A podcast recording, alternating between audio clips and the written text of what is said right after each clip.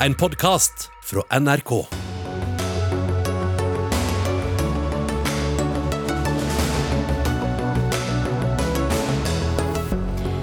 Kjell Ingolf Ropstad har ikke lenger vår tillit, sier flere partifeller i KrF etter avsløringer om skatteplanlegging.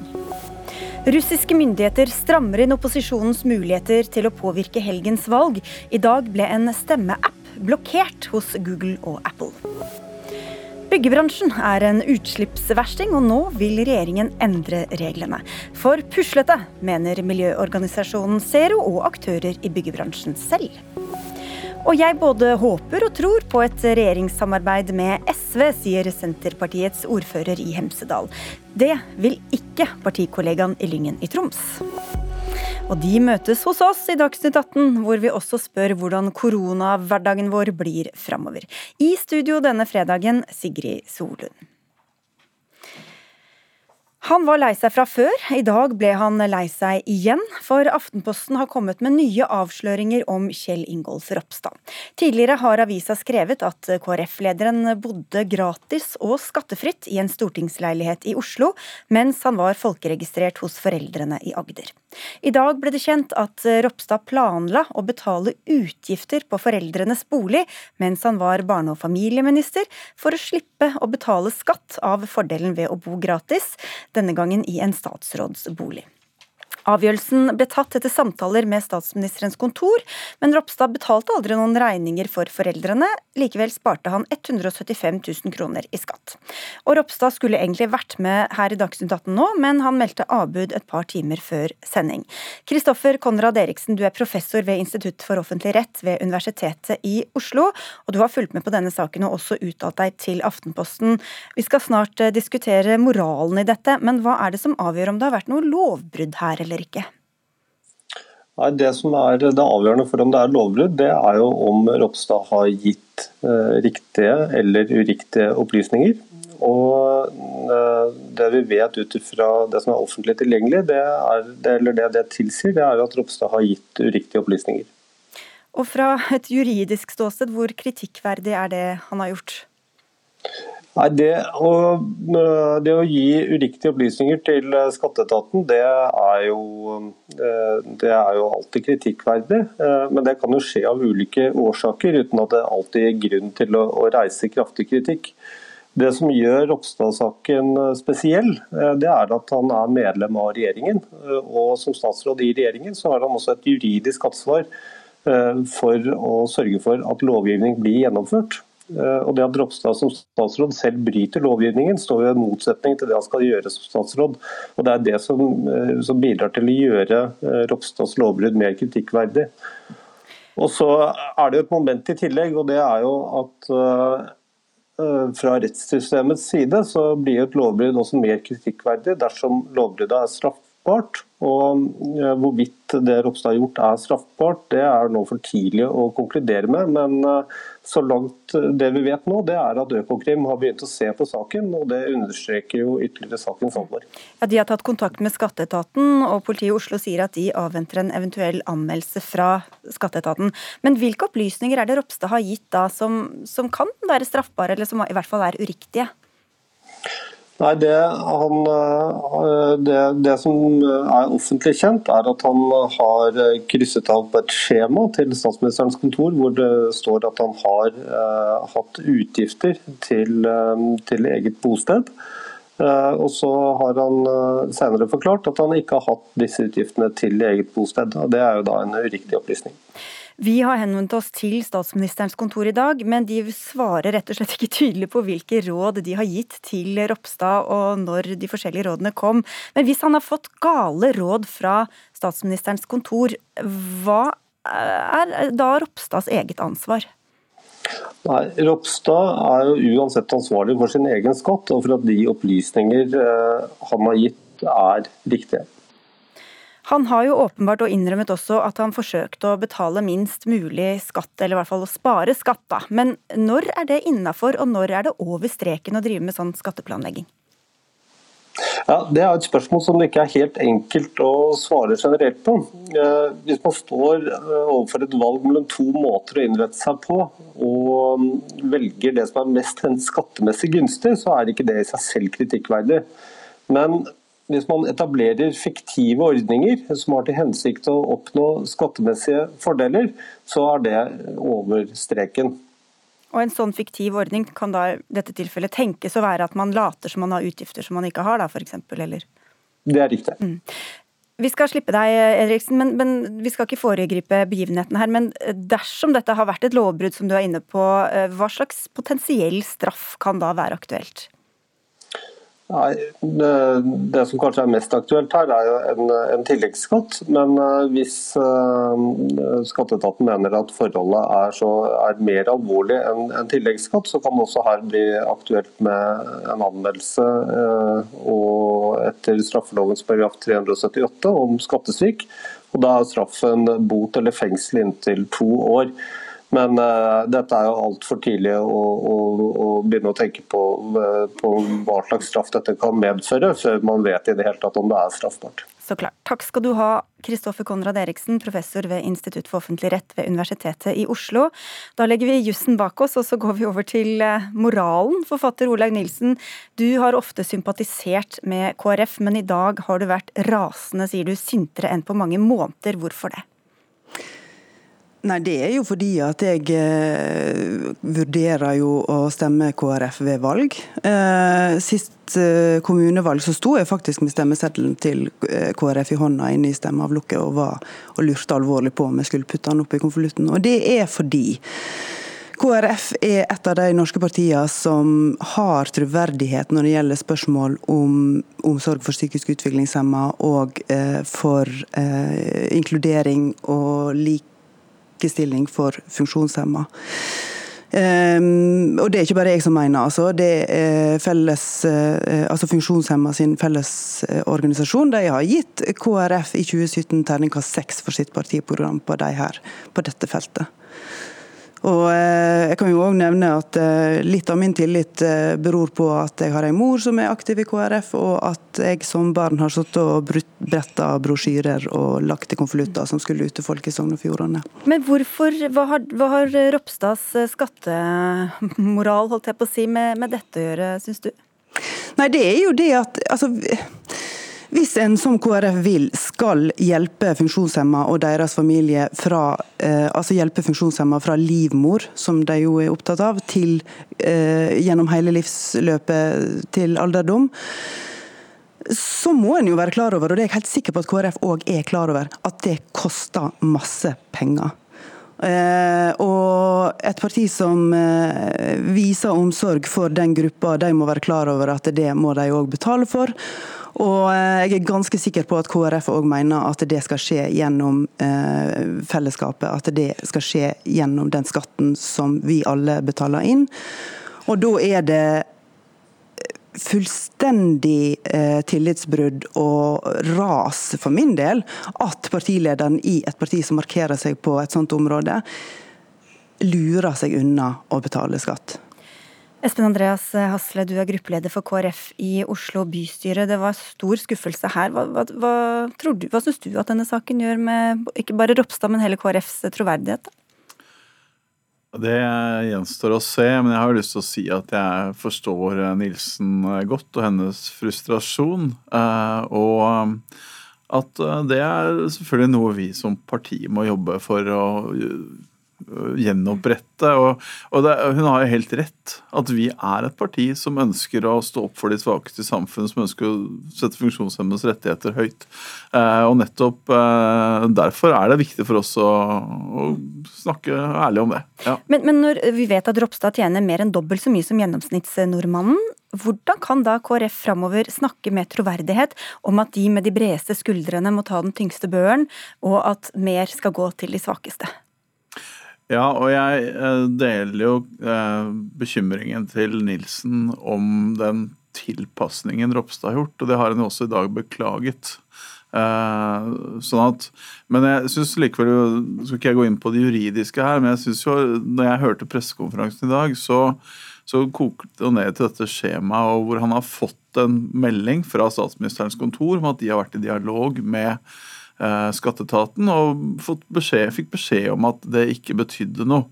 Og, så jeg vet ikke, som med deg da, men i hvert fall med meg så er det jo sånn at Hvis jeg lurer på noe, så ringer jeg administrasjonsavdelingen på jobben og spør ja, hvordan er dette her er fatt. Og hvis jeg da får beskjed om at nei, sånn er det, ja, da tenker jeg ikke noe mer på det. Så jeg, jeg, jeg, De som tillegger Ropstad veldig sånn um, sleipe motiver, uh, det, det, kjenner ikke jeg igjen sånn jeg kjenner han da. Nei. Nilsen? Olav Nilsen, ja. Mm. Det var meg du mente? Ja, ja. Ja. Jeg tenker jo heller ikke nødvendigvis at han har eh, meint å være sleip eller meint å eh, snike unna så masse penger som mulig, men det har på en måte ikke så masse med saken å gjøre. For hvis du har et tillitsverv sånn som han har, og markerer seg på de sakene sånn som han gjør, da skal du jo passe på. Og da må du tenke gjennom disse tingene og alt det som nå har kommet fram. Alle de boligene som han har eh, stått som eier av, eller med tilknytning til. Altså, kan du bare tenke på, altså, Han burde jo òg tenke på da Eh, køene for at psykisk utviklingshemmede skal få en plass å bo. Eh, alle de som har eh, urettmessig fått penger utbetalt av Nav og, får, og blir trua til å straks betale det tilbake igjen. Altså det, det, det er når en markerer seg i den typen saker som han og som KrF gjør, og som jeg syns er bra og helt riktig, så må en jo faktisk passe på at en lever som en lærer. Men du har fortsatt tillit til partilederen din? Ja, og jeg vil jo si at uh, Nilsen har helt rett, at vi er engasjert for bolig til psykisk utviklingshemmede. Ja, men, du har tillit til at Ropstad er den rette mannen for dere fortsatt? Jeg har tillit til Ropstad. Det uh, er det jo litt uenighet du skal få ordet igjen, men det er jo litt uenigheter om det også internt i partiet. Erik Næss, du er gruppeleder for KrF i Skien. Hvordan står det til med din tillit til Ropstad? Nei, jeg, jeg er veldig lei meg, og før valget så syns jeg dette var alvorlig. Men eh, når jeg hørte det jeg hørte i dag, og så pressekonferansen, så må jeg si at eh, min tillit eh, forsvant. Og jeg skrev et innlegg til NRK der jeg sier akkurat det. Og det er fordi at altså Der er jeg inne på akkurat det samme som Nilsen sier, nemlig at vi er et verdiparti. Og det er derfor jeg fremdeles står på vårt program, fordi at vi er et verdiparti, særlig for de svake i samfunnet. Og da kan vi ikke kjøre slalåm eh, mellom reglene, sånn som Ropstad har gjort. Og som de andre her, jeg vet ikke noe om intensjonene til Ropstad, men det framstår klart som han har kjørt slalåm orientert seg eh, på litt ulik måte, alt ettersom hvilke beskjed han har fått. Og, og Hva bør partiet gjøre, hva bør Ropstad gjøre da? Nei, Jeg mener Ropstad er ferdig som partileder. Ganske enkelt i praksis er han det. Og det beste han kan gjøre for seg selv og for partiet, for å hjelpe partiet videre, det er å trekke seg. I dag jeg har vært i kontakt med flere av våre tillitsvalgte i Skien, og de er fortvila. En sier f.eks. at dette er verre enn at vi kom under sperregrensa. En annen sier at jeg orker ikke å fortsette mer enn det jeg nå har bundet meg til for denne perioden, hvis ikke dette får konsekvenser. Så jeg har tro på at Ropstad, som er glad i partiet, sånn som både Espen og jeg er, Eh, må ta konsekvensen av det. Eh, fordi at vi politikere, det stilles strengere krav til alle politikere, spesielt til KrF-ere, som ønsker å være et verdiparti. Og vi sier ikke at vi er bedre enn andre, men akkurat nå er KrF dårligere enn de andre. Ja, eh, og det, det koker jo ned til liksom, Har han faktisk gjort noe galt, som jeg var inne på? Jeg tenker at han har fulgt de beskjedene han har fått. og så har han en ting til. Han har jo også i dag beklaget at han Eh, den tilpasningen han mm. åpenbart prøvde på gjennom å gjøre en avtale med sine foreldre.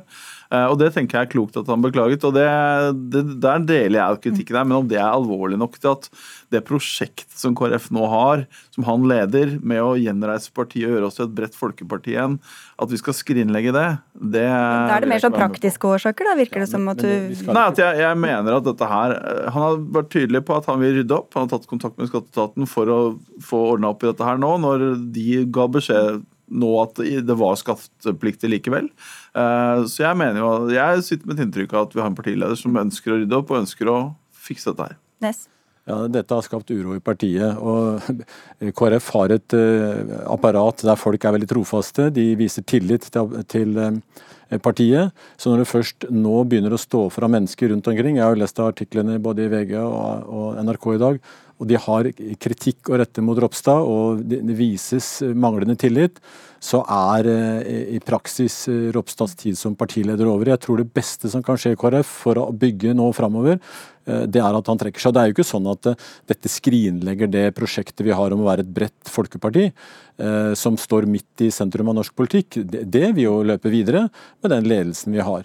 Eh, fordi at eh, Vi må være klar over at eh, det er det etterlatte inntrykket, og ikke de juridiske realitetene bare, som teller. Og Inntrykket nå det er at Ropstad har kjørt slalåm og tilpassa seg til enhver tid for å få lavest mulig skatt. og Det i seg selv er ikke straffbart, men for en politiker som lever på en god godtgjøring, så må man ha en annen standard, spesielt når man er KrF-er, mener jeg. Ja, for Hva sier det, bare det han sier nå, om hvilke verdier, hvilke vurderinger som ligger til grunn her, når det er den, det som er åpenbart intensjonen, i hvert fall? da? Altså Her har Ropstad gjort en uh, feilaktig vurdering, uh, og det har han beklaget i dag, og det er jeg glad for. Uh, men jeg tenker at vi likevel kan bygge videre som parti, og at han er rett mann til å lede KrF videre. Ola Nilsen, nå er ikke du KrF-velger foreløpig i hvert fall, og bare nesten ved noen anledninger. Men hva, hvilke, hvilke, verdi, hvilke signaler mener du partiet sender dersom Ropstad nå blir sittende? Eh, jeg eh, ville jo råde KrF til å eh, bytte ut partilederen, absolutt. Og særlig ettersom dette har skjedd i to omganger.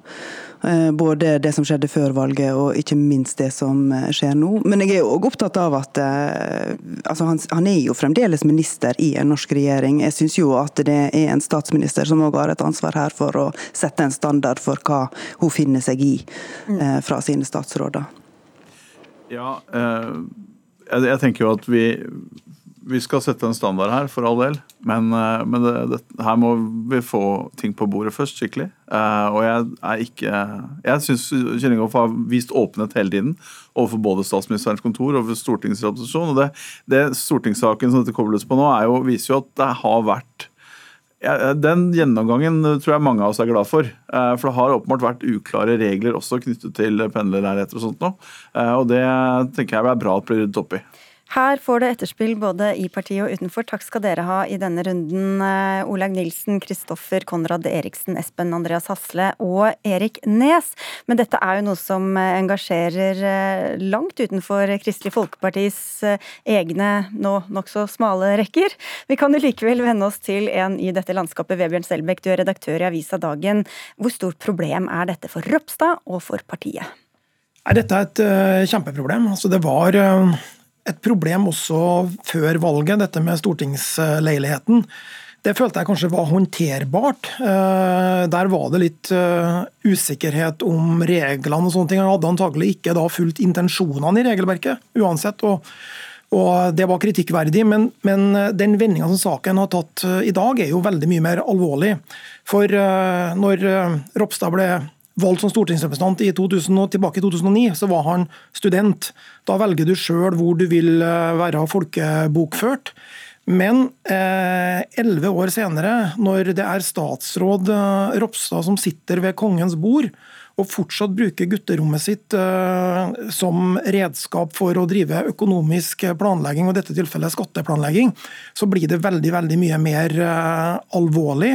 Og nå er saken, syns jeg, ikke håndterbar eh, lenger. Jeg ser veldig vanskelig for meg hvordan Ropstad skal kunne fungere som partileder etter dette her. Hva betyr det? Tror du han kommer til å trekke seg, eller bli pressa ut?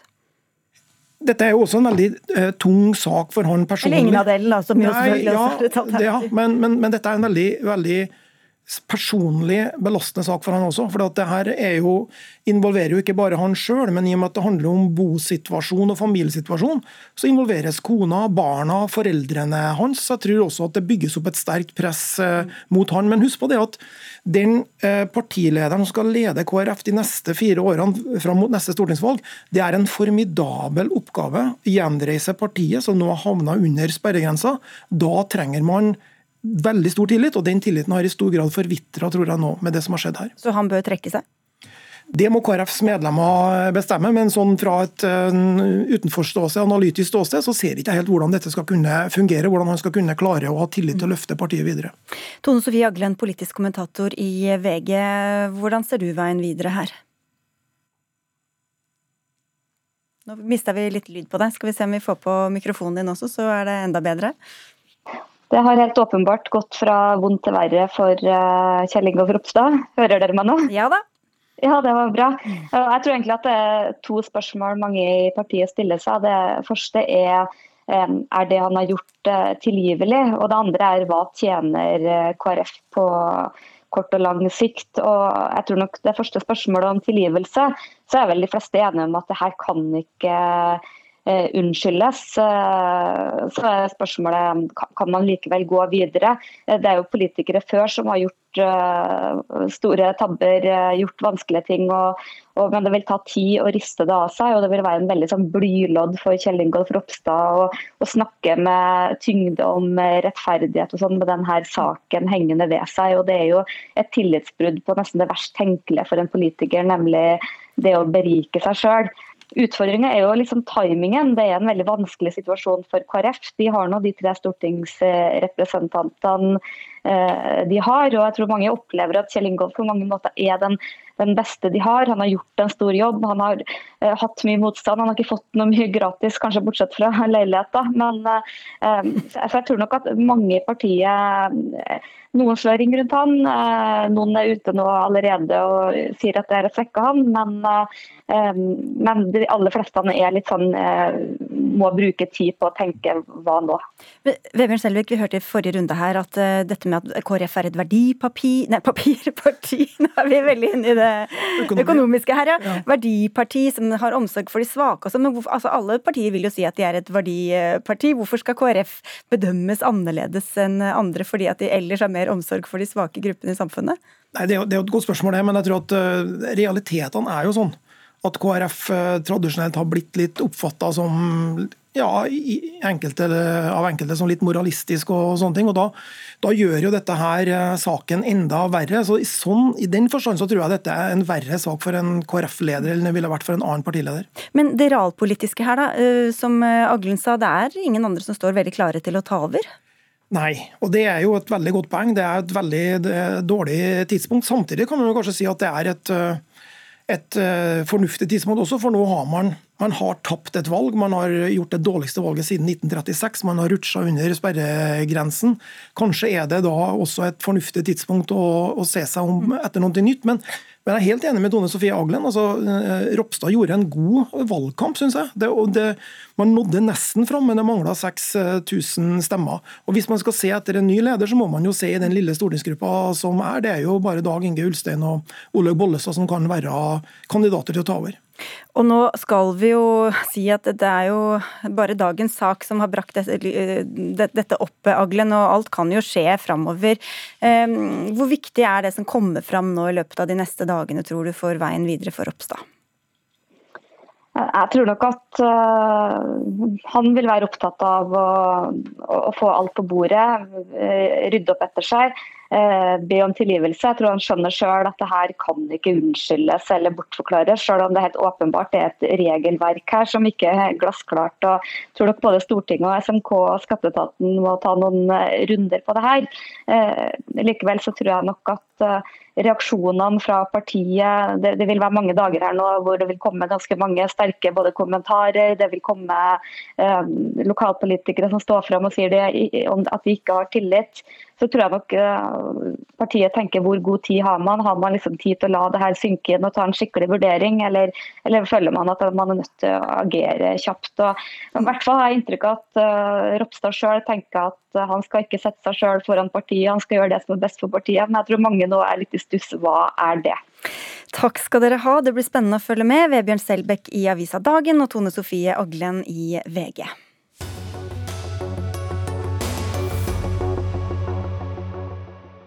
Vi går mot normale tider, i hvert fall smittevernmessig. Fra 27.9 blir det endringer i koronatiltakene.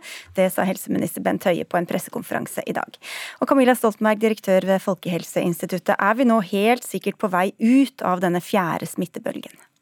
Helt sikker er et sterkt ord i denne sammenhengen, men uh, veldig mye tyder på det. Uh, og det ser mye bedre ut enn det gjorde bare for to uker siden. Hva kommer til å skje fra 27.9 hvis det nå blir full gjenåpning? Så 27.9 så skal eh, det gjennomføres endringer i måten kommunene håndterer pandemien på. Dvs. Si at de får det som kalles nedjustert TISK. Så det blir mer selvtesting færre som skal i karantene, og mer målrettet smittesporing. og Det reduserer belastningen på kommunene. så Det er det som skjer da, og det er det som er varslet med dato i dag. Så er det ikke satt dato for de øvrige endringene, men i Folkehelseinstituttets anbefalinger som nå er publisert, så sier jo vi at vi mener at det ligger til rette for å gjøre det snart. Ja, for Hva får dette å si for kultur- og utelivsbransjen f.eks., som er utålmodige? Ja, For dem betyr det jo mye, fordi at de er av de som fortsatt har ganske strenge restriksjoner. Så det vil være mulig å ha arrangementer med den størrelsen man selv ønsker. Det vil oppheve énmetersregelen, og det vil oppheve også disse grensene for når man kan slippe inn folk på restauranter osv. Men det blir noe av, eller er det bare råd foreløpig fra dere?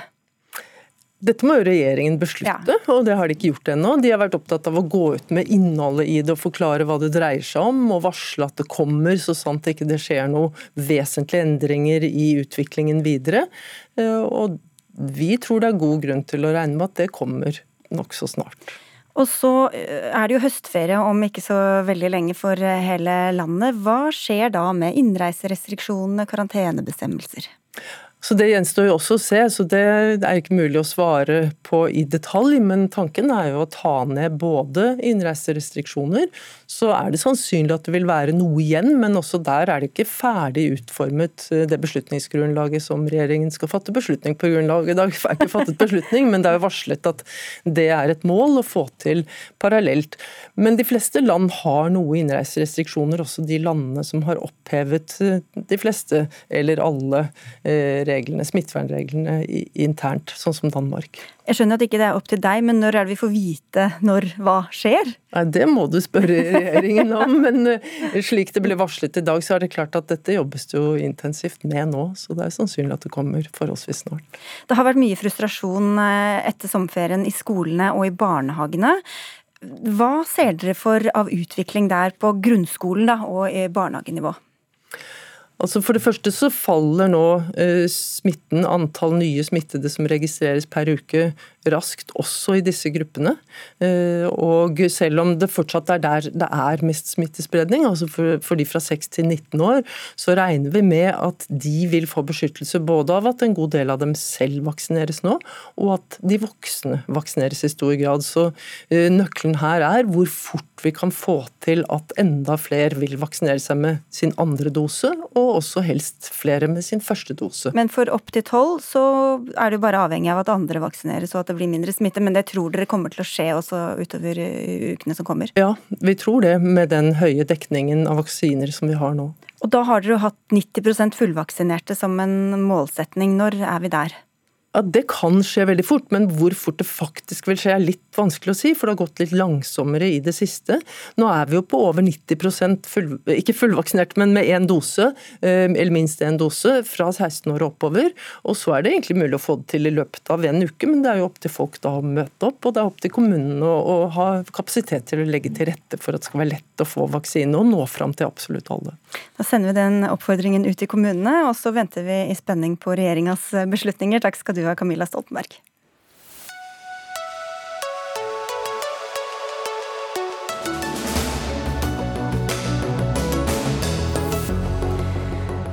Regjeringen vil gi byggenæringen strengere klimakrav, men bransjen selv vil ha enda tydeligere regler, og det blir det mer om snart her i Dagsnytt 18, men nå mer politikk.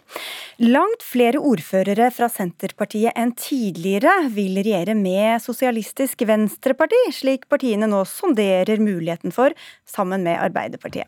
Det viser en undersøkelse som avisa Nasjonen har gjort blant Senterpartiets ordførere. Blant dem som har svart, er det flere som er positive enn ved lignende undersøkelser tidligere i år. Og ordfører i Hemsedal, Pål Rørby, du er en av dem som både håper og tror på et regjeringssamarbeid med både Arbeiderpartiet og SV, og hvorfor gjør du det? Ja, hei, god ettermiddag, og det er helt riktig. Um Vi har eh, gått til valg på at vi ønsker oss en, en regjering som basert seg på et godt samarbeid mellom Arbeiderpartiet og Senterpartiet. Og Nå som valgresultatet foreligger, så er det jo viktig mener jeg, at vi da søker oss mot en flertallsregjering for å både kunne danne en, en god regjeringsplattform og kunne ha en god og helhetlig politikk for kommende fireårsperiode. Og Da tenker jeg at det er helt naturlig at vi søker oss eh, mot eh, SV nå i første omgang. Selv om det ikke var det dere gikk til valg på? Altså, Vi gikk jo til valg, som Trygve har sagt uendelig med ganger, på Arbeiderpartiet og Senterpartiet. Og før valgresultatet foreligger, så kan man jo heller ikke forespeile seg hvem man trenger for å kunne danne et flertall. Og slik det ser ut nå, velgerne har fått bestemt, og da tenker jeg det er naturlig å søke seg mot SV. En av de såpass få ordførerne som har svart nei på Nasjonens spørsmål om å ha SV i regjering, er deg, Dan Håvard Johnsen. Du er ordfører i Lyngen i Troms. Hvorfor er du fortsatt så avvisende? Nei, altså, Det er veldig mange grunner til det. Fire år går veldig fort. og Vi skal se velgerne i øynene igjen om fire år, når vi skal bygge et bærekraftig og slagkraftig Senterparti for fremtida. Slik at eh, vi, vi, kan ikke ha SV med på det her lasset. Det blir for stor eh, forskjell mellom Senterpartiet og SV. Det ene er jo hva vi har kommunisert før valget, eh, at SV var ikke ønskelig inne i en regjering. Nummer to er jo alle de saker, politisk viktige saker for Senterpartiet, der det er en enormt stor forskjell mellom SV og Senterpartiet. Og Det tredje faktoren er jo hvor henter Senterpartiet sine stemmer, og hvor henter SV sine stemmer. Hvis vi tar bort de store byene, så vil SV være 2-3 prosentparti. Mens eh, hvis vi gjør det motsatt, så vil Senterpartiet være et 2-3% parti. Slik at SV er blitt et byparti, og Senterpartiet er blitt et distriktsparti. Og nå har vi sagt at vi skal ta hele Norge i bruk, og det er distriktene og Nord-Norge sin tur. Og da kan vi ikke tilfredsstille Grünerløkka og Båtsfjord og Senja på samme tid. Her var det mange ting på en gang, Rørby. For å ta det første her, da. Hva gjør det med troverdigheten deres at dere går til valg på én ting, og så ender dere opp med å gjøre noe annet? Altså, jeg føler ikke at vi ender opp med å gjøre noe annet. Det er jo velgerne som har bestemt hvilke størrelsesforhold og, og posisjon det skal være mellom partiene. Og Det å kunne danne en flertallsregjering det er jo betydelig ryddigere og vil føre til mer forutsigbarhet for å få gjennom god og planlagt politikk enn å søke støtte hos mindre og mer ekstreme partier eh, i sak til sak på Stortinget. Så eh, jeg har 100% tillit til at eh, Trygve og Marit og Anne Beate klarer å framforhandle dette, sånn at både Senterpartiet får gjennomført sin politikk i Hemsedal, i Hallingdal, i Nord-Norge, men også i byene. For det er faktisk sånn at det er distrikter i byene òg. Jeg er sjøl fra Oslo øst, og jeg veit eh, forskjellen på Oslo øst og vest. Og det trengs en aktiv politikk i hele landet, i byene og i bygdene, for å få dette til. Og det skal Senterpartiet klare, og står mye sterkere denne gangen enn forrige gang vi var i regjering sammen. Og så Jonsen, dette med, og da blir man jo avhengig altså Dere kommer jo ikke utenom enten SV eller andre partier. Hvordan er det bedre å være avhengig av dem under budsjettforhandlinger i Stortinget ellers enn å ha dem i regjering? Nei, så saken er det at En mindretallsregjering er jo egentlig veldig vanlig i Norge i dag. Altså, det har historisk sett fungert veldig bra. Sånn at eh, Hvis vi skal kunne bygge et slagkraftig Senterparti fremover, der vi skal øke i oppslutning, se velgerne i øynene om fire år, ja, så kan vi ikke gjøre en spagat i lag med SV. Det er jeg 100 sikker på. I hvert fall ikke der jeg har mitt politiske nedslagsfelt, for å si det slik. Nei, men dere må jo forhandle med dem uansett. Da. Det er jo ikke sånn at dere bare kan kjøre turer på uten å ta hensyn til noen, i hvert fall i Stortinget? Nei da, det er greit. Vi må forhandle, og så må vi akseptere å tape kanskje noen viktige saker. Men uansett så vil det være mye enklere å se velgerne i øynene om fire år. Ok, Så det er strategi som ligger til, til grunn her, egentlig, da? Ja, så Det ønsket om å ha et bærekraftig Senterparti som eh, er slagkraftig for distriktene og for hele landet, det er det. Jeg ønsker jo ikke Senterpartiet skal dette ned på tidligere eh, valgresultat. Nå er vi i ferd med å bygge et sterkt Senterparti, og da skal vi markere oss som en troverdig alternativ. Ja, Rørby? Ja, da er helt enig. Vi kommer til å være et eh, troverdig alternativ. og Her er det kjøttvekta også som teller. Den er annerledes nå enn den var sist. Lokalt så ser jo vi det at SV har jo mange sammenfallende mål som det vi har. og Det gjelder jo bærekraftig utvikling av reiselivet bl.a. ta vare på urørt natur som den ressursen det er for framtiden, Og så er det veldig sammenfallende. Og Mm. det er klart I en valgkamp så, så, så, prøver man å skape en del forskjeller nettopp for å gi velgerne alternativer. og Så ser vi det at når vi først kommer til forhandlingsbordene, så tror jeg avstanden er mindre enn det det virker som i selve valgkampen. og jeg Også- tror det at med så mange mennesker så finner vi gode uh, oljepolitikk, avgiftspolitikk, rovdyrpolitikk f.eks.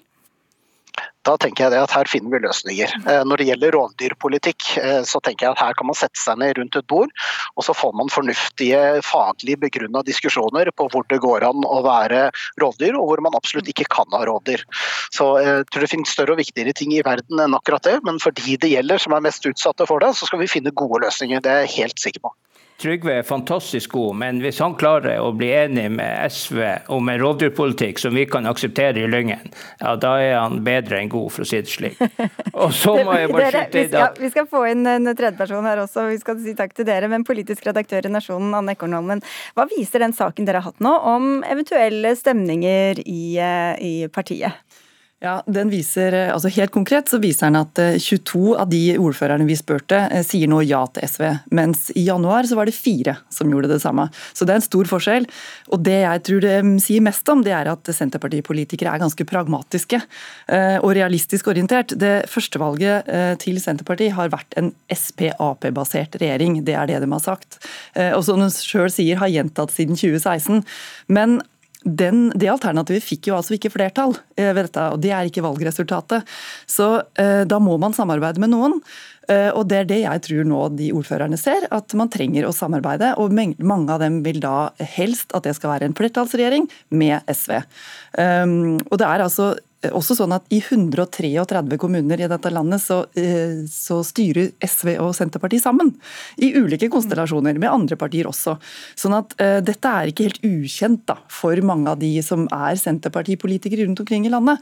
Um, det fungerer i hverdagen, og jeg tror også at uh, dem da tenker at det kan også fungere på nasjonalt plan. Men det er ikke sånn at de har blitt så, så fryktelig sjarmert av Audun Lysbakken under valgkampen? Det er mer realisme på gang her? Ja, jeg tror rett og slett det er det. Og så er det også sånn at i mange sakskomplekser så er det som ordførerne her også sier, enigheter mellom Senterpartiet og SV. De kommer kanskje ikke så tydelig fram i alle sammenhenger når man ser etter, og ikke en valgkamp, når man ser etter ulikheter. Men det er altså muligheter, som man sier her, til å finne gode løsninger. Men så hører vi jo her også eksempler på, om vi skal kalle det fløyer, eller i hvert fall ulike menighet, meninger, meninger, fortsatt litt i KrF-land der. Hvor steile er de fløyene som vi ser bl.a. geografisk i partiet? Jo, det er ingen tvil om at det er du kan si, kalle det en borgerlig og en mer sosialistisk fløy i Senterpartiet. Det er tross alt et sentrumsparti som har ulike meninger innad. Men jeg, de jeg prater med, i hvert fall sier at de retningene, da, de fløyene er ikke uforsonlige. De har, de har også møtepunkter. Men, men mange fremhever også at de er redd for småpartienes makt i en, i en koalisjonsregjering. Viser til f.eks. hva Venstre fikk gjennomslag for i regionreformen, hvordan KrF har klart å dra abortspørsmålet opp igjen. Rov, nei, unnskyld, Pelsdyrnæringa ble jo offer for en hestehandel i den Erna Solbergs regjering. Og at man er redd for at SV kan få uforholdsmessig da kan man si, mye makt i en flertallsregjering. Mm. Vi hørte tidligere denne uka Per Olaf Lundteigen sitte her og snakke om ultimatumet fra Senterpartiet om at alle fylkesgrensene måtte tilbake til der hvor de var. Er det det vi ser nå i disse sonderingene og forhandlingene, tror du? At man går mer sånn med full tyngde inn i noen få saker uh, som alle partiene kan eventuelt få gjennomslag for? Ja, altså, Det er ingen tvil om at Senterpartiet nå legger veldig vekt på at de har hatt den største veksten og har fått 28 mandater, mye større enn man var tidligere. Og da bruker det som forhandlingskort. Uh, selvfølgelig i, i, de samtalene man går inn i nå. og Regionreformen er en av de store sakene for Senterpartiet, utvilsomt. Og vi ser jo også at det er i um, altså Senterpartiet er jo et distriktsparti. Det er ute i alle de 291 kommunene i landet. der i 291 kommuner så har Senterpartiet større oppslutning enn på landsbasis. Sånn at det er utvilsomt et distriktsparti som trenger å få gjennomslag for det de har lovt nå gjennom valgkampen. Og fortsatt er vi bare i begynnelsen. Takk skal dere ha alle tre. Anne Ekornholmen fra Nasjonen, Pål Rørby og Dan Håvard Johnsen, begge ordførere for Senterpartiet.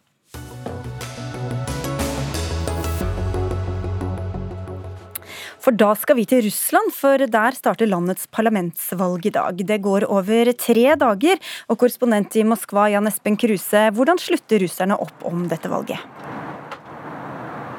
Ja, Den sentrale valgkommisjonen i Russland sier i kveld at eh, under 10% av de stemmeberettigede har avgitt eh, stemme i løpet av denne første valgdagen. Og Det er jo ikke så eh, veldig imponerende. Oppslutningen er ikke så veldig stor. Men det føyer seg inn i det bildet som er. Ved forrige parlamentsvalg så var det om lag 47% av de stemmeberettigede som deltok. Men i sju regioner i Russland så gjennomføres gjennomføres et forsøk med avstemning på, over internett. Og eh, Der har hele 40% av de som har registrert seg for den muligheten, avgitt eh, stemme i, i dag. Så en del har altså funnet eh, lettere å stemme via internett. Og eh, Apropos nye systemer, den fengsla opposisjonslederen Aleksej Navalnyj har lansert appen Stem Smart, som råder russiske velgere til å samle seg bak de kandidatene som antas å ha størst sjanse til å slå noen av regjeringspartiets folkevalgte. Og så kom nyheten i dag om at denne appen ikke lenger er tilgjengelig hos de amerikanske IT-selskapene Google og Apple. Hva ligger i dette?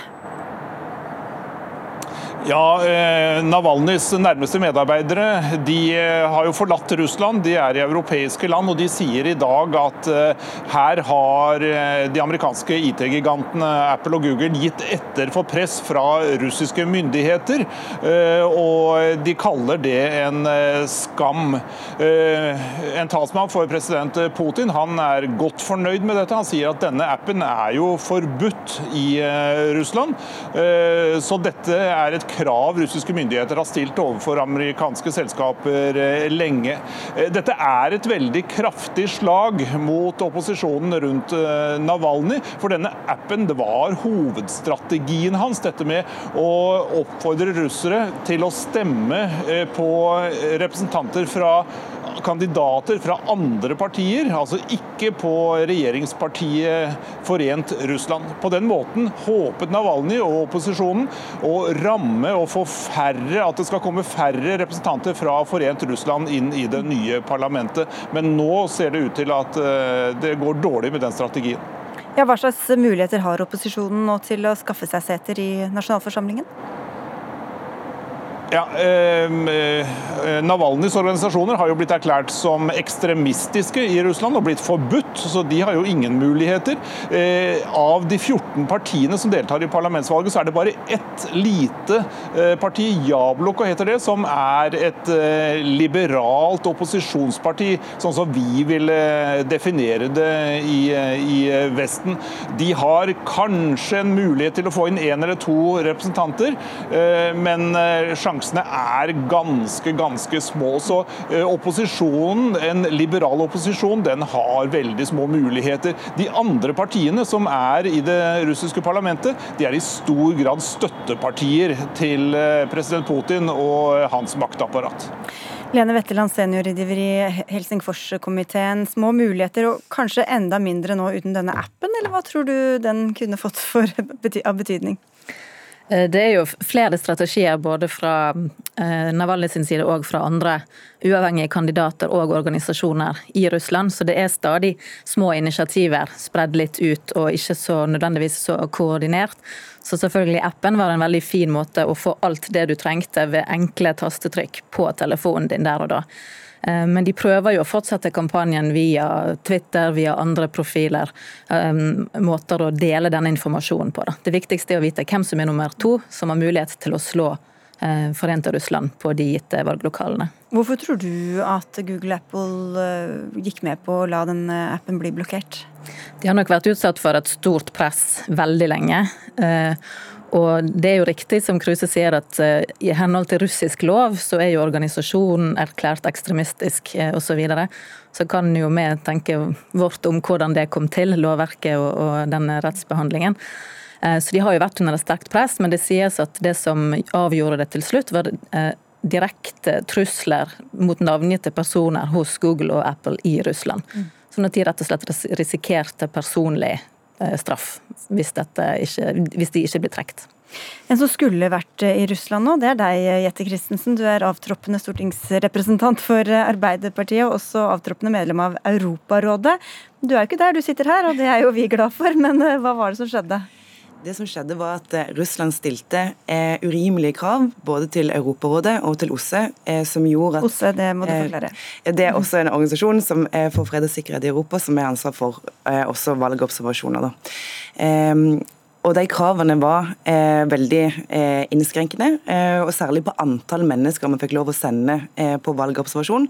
Og De eh, kravene var såpass begrensende for det å gjennomføre en valgobservasjon at i hvert fall vi i Europarådet på det grunnlaget valgte å, å ikke sende en ordinær eh, valgobservasjon, fordi at det ikke ville vært legitimt. Så Derfor så ble det ikke noen valgobservasjon til Russland i år, fordi at de ikke gjorde det mulig. Og hva er det vi da ikke får vite når disse valgobservatørene ikke er til stede? Vi, har jo heldigvis gode korrespondenter, og vi har eh, gode eh, sivile organisasjoner som eh, gir oss informasjon og har gode kontakter. Men det vi ikke får, er denne rammen, den plattformen til å observere tett på. Vi får heller ikke muligheten til å skrive de rapportene som det internasjonale samfunnet da skriver i etterkant av en sånn valgobservasjon, der man både skriver om hvordan opplevelsen er den dagen, men også noe om frihet, grad av frihet og grad av rettferdighet, og ikke minst grad av konkurranse, grad av eh, mediefrihet osv., eh, som jo da er en ramme rundt et sånn type valg som må være på plass for at det skal kunne kalles fritt og rettferdig. Eh, så Det er jo det vi mangler. Vi, vi kan sitte her og synge at terningene fikser så høyt vi bare vil, men vi trenger å være der og ha den plattformen for å, for å kunne ramme dette inn formelt. da. Jan Espen Kruse, hvorfor tror du at det ble satt sånne krav eh, til valgobservatørene? Det er jo et veldig dårlig forhold mellom Russland og europeiske land eh, akkurat nå.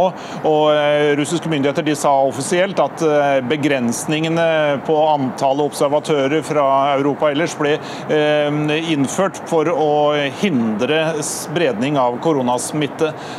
Men en del observatører mener jo også naturligvis at det ligger mye politikk i dette her, og at russiske myndigheter ikke var spesielt ivrige etter å slippe slippe inn eh, vestlige observatører. Etter at eh, det siste året, og spesielt det siste halve året, har det jo vært satt inn veldig harde tiltak mot eh, den russiske opposisjonen rundt Navalny. Og russiske myndigheter ville vel regne med at det ville komme mye hard kritikk rundt dette her, hvis de vestlige observatørene hadde sluppet til. Hvor vanlig er det Jette Christensen, at man ikke drar som valgobservatør fordi at betingelsene rett og slett ikke er til stede? Det er veldig uvanlig. Det er også veldig uvanlig å ikke eh, ønske valgobservatører velkommen. Eh, det å eh, ønske velkommen valgobservatører, eller det å dra som valgobservatør, er jo ikke i seg, selv et godkjent stempel på et demokrati. Eh, Aserbajdsjan, Hviterussland, jeg var akkurat i Marokko, Georgia har også hatt besøk av valgobservatører, uten at det betyr at valget er 100% fritt eller rettferdig, sånn som vi kjenner det. Men, det er en tradisjon som er god, og som også gir oss en god indikasjon på det som Kruse også sier nå, om at eh, Russland strammer til. Eh, Russland har tidligere vært veldig opptatt av å ikle seg det som eh, vi vil kalle et demokratisk rammeverk. Eh, vi har en informasjonsutvekslingsavtale med russisk riksrevisjon. Eh, vi har disse rammeverkene på plass. Men det å ta et skritt tilbake derifra, det er det taktskiftet fra Russland som er veldig bekymringsfullt. fordi at Da lukker man seg inne, og, og man er jo mest av alt bekymra for friheten til den enkelte russer hvordan leser du dette Wetterland, eh, inn i utviklingen ellers i, i Russland? Det, så det, at disse appene blir trukket, er jo på en måte det, bare det siste eh, skrittet de russiske myndigheter har tatt mot russisk opposisjon, media, sivilsamfunn i flere, i flere uker. Altså, folk som ble arrestert under protestene i januar, fikk administrative dommer nettopp for at de ved dette valget ikke kunne delta som lokale valgobservatører eller kandidater.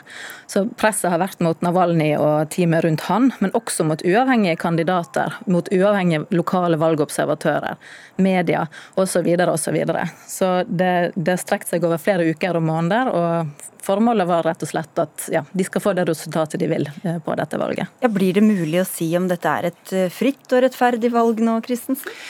Vel, eh, takket være observasjoner som vi eh, får ifra eh, Kruse her, og ifra eh, organisasjoner som har eh, kontakt med Russland, så, så får vi jo det. Eh, men det er jo klart at når et land ikke ønsker velkommen noen som er der for å observere om valget er fritt og rettferdig, så er det vanskelig å si at det er noen av delene. Mm.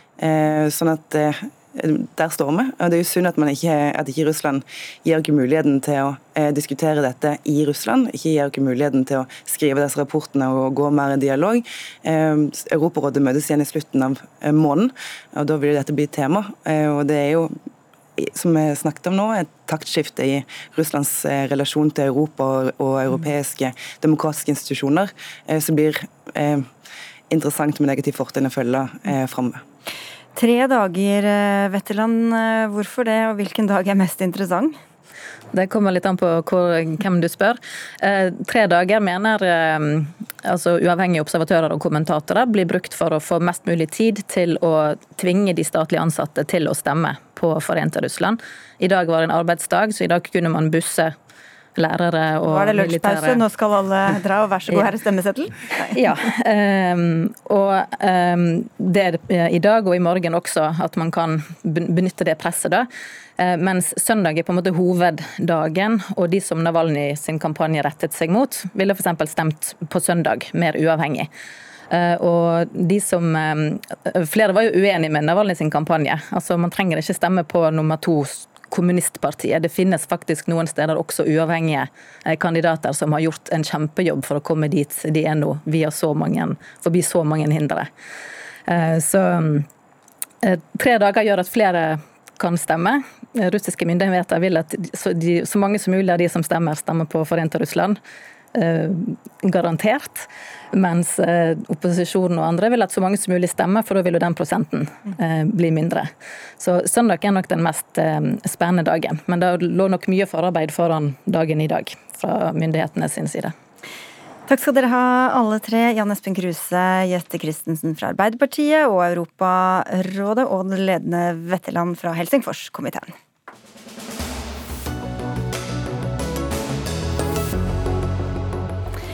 Hvordan skal byggenæringen få ned de høye klimagassutslippene og det store energiforbruket sitt? Det var tema her i Dagsnytt 18 i går.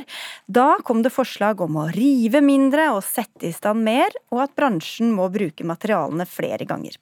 Dette må regjeringen legge til rette for, sier dere i miljøorganisasjonen Zero, der du er ny leder, Sigrun Gjerløv Aasland. Og hva er det dere savner og etterlyser fra regjeringshold? Nei, Vi mener at det regjeringen har foreslått nå er ganske puslete. Det, det rare er jo at de for det første så ligger det gode forslag på bordet til hva de kunne gjort. De har til og med selv skrevet om alternative gode forslag i andre dokumenter.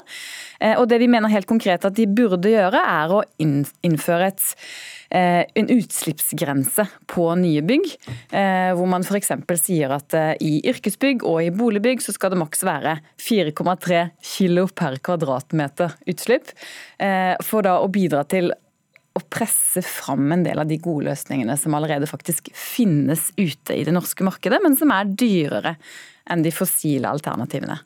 For de som ikke hørte Dagsnytt 18 i går, så det er ganske for sikkert for mange overraskende høye tall på utslipp og på avfall og på energibruk i, i både nybygg og gamle bygg. Ja, altså Byggenæringen står for 40% av globale utslipp. Um, og 40 også av uttak av råstoff. da. Eh, og det finnes ganske mange norske produsenter etter hvert som har gått foran, som lager eh, sponplater i resirkulert tre, eller som lager plastprodukter til isolasjon som er fra resirkulert materiale. Eh, men så er det jo sånn som det er på veldig mange områder, at de mer bærekraftige løsningene de koster litt mer. Og da kan du godt få noen som går foran og tar de i bruk, og som som gjør en eh, ekstra innsats. Men hvis vi skal få utslippene så fort ned som det vi jo faktisk er nødt til nå, så må vi ha mye kraftigere virkemidler. Heidi Karin Nakken, du er eh, statssekretær i Kommunal- og moderniseringsdepartementet. Puslete hørte vi her. Hva er det dere har eh, foreslått egentlig for å komme disse problemene til livs? Det som er viktig, er at regelverket henger med den utviklinga vi skal ha. Og sånn som det har vært, så har Tekken da, rett og slett, Hvor eh, hatt regler som hindrer ombruk, hindrer omsetning av brukte byggevarer, og gjort det vanskelig. Det Tekken det er da byggeforskriften? Ja, det er byggeforskriften. Altså Tekken er egentlig da minimumskravet til hva du forventer av et nybygg. Og Det gjelder bare framover i tid. Så når vi endrer noe, så gjør det ikke noe med de husene som allerede står der. Um, så dette her er jo de endringene vi foreslår nå, er jo et grep i det å komme seg dit som vi er enige med ser om at vi skal. Altså at uh, vi skal ha CO2 per kvadrat i bygg og kunne ha gode klimaregnskap både for store og små bygg. Men vi er ikke der i dag at en kan sette det kravet. Uh, rett og slett fordi at både digitaliseringa ikke har kommet langt nok. Uh, og at vi ikke har den omsetninga av brukte byggevarer i dag. Det er ikke tilgjengelig så mye brukte byggevarer at vi kan gjøre det over natta. Men tror du ikke at dette kan henge sammen? At hvis man setter litt strengere krav, så, så kommer det andre etter hvert, eller?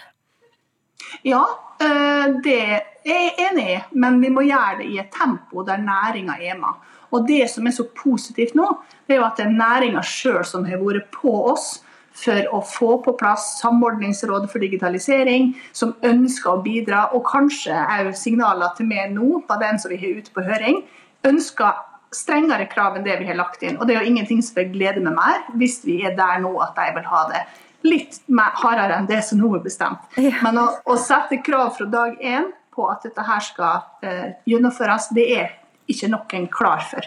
For rett og slett for at vi har ikke et system i dag som håndterer og lager de regnskapene for eh, småhus.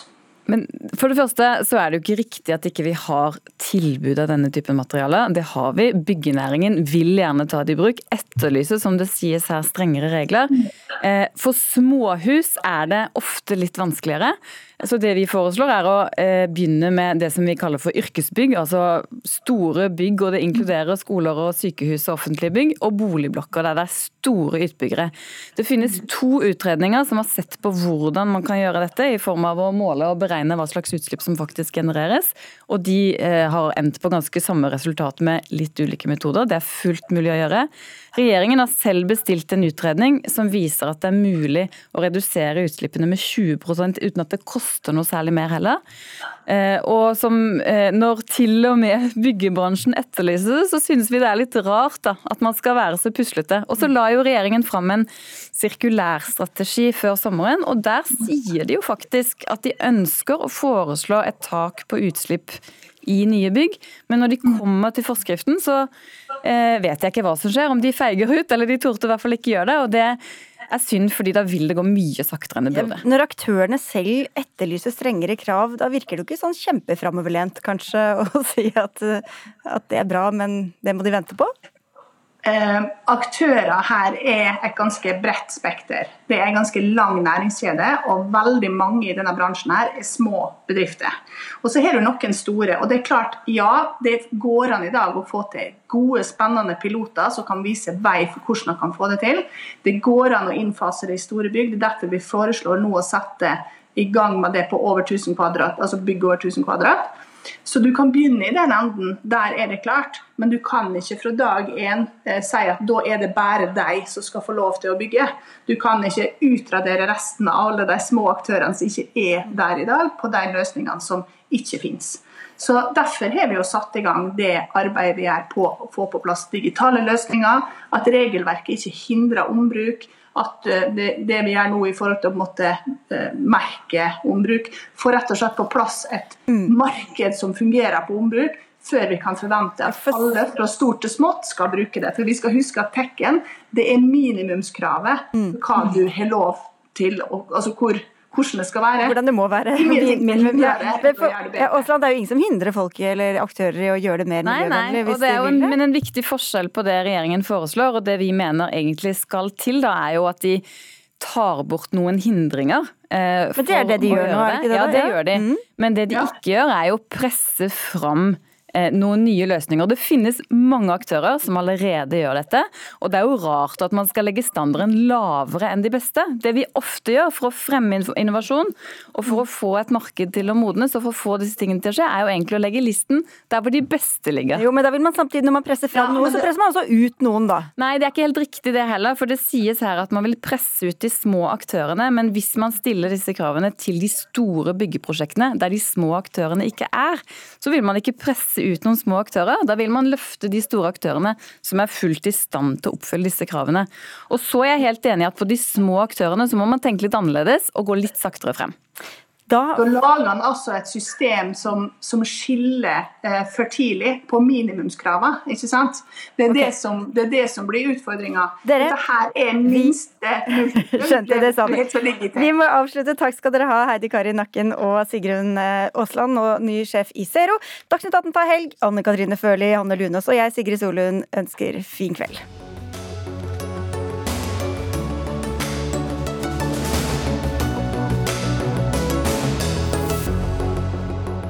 Du har hørt en podkast fra NRK.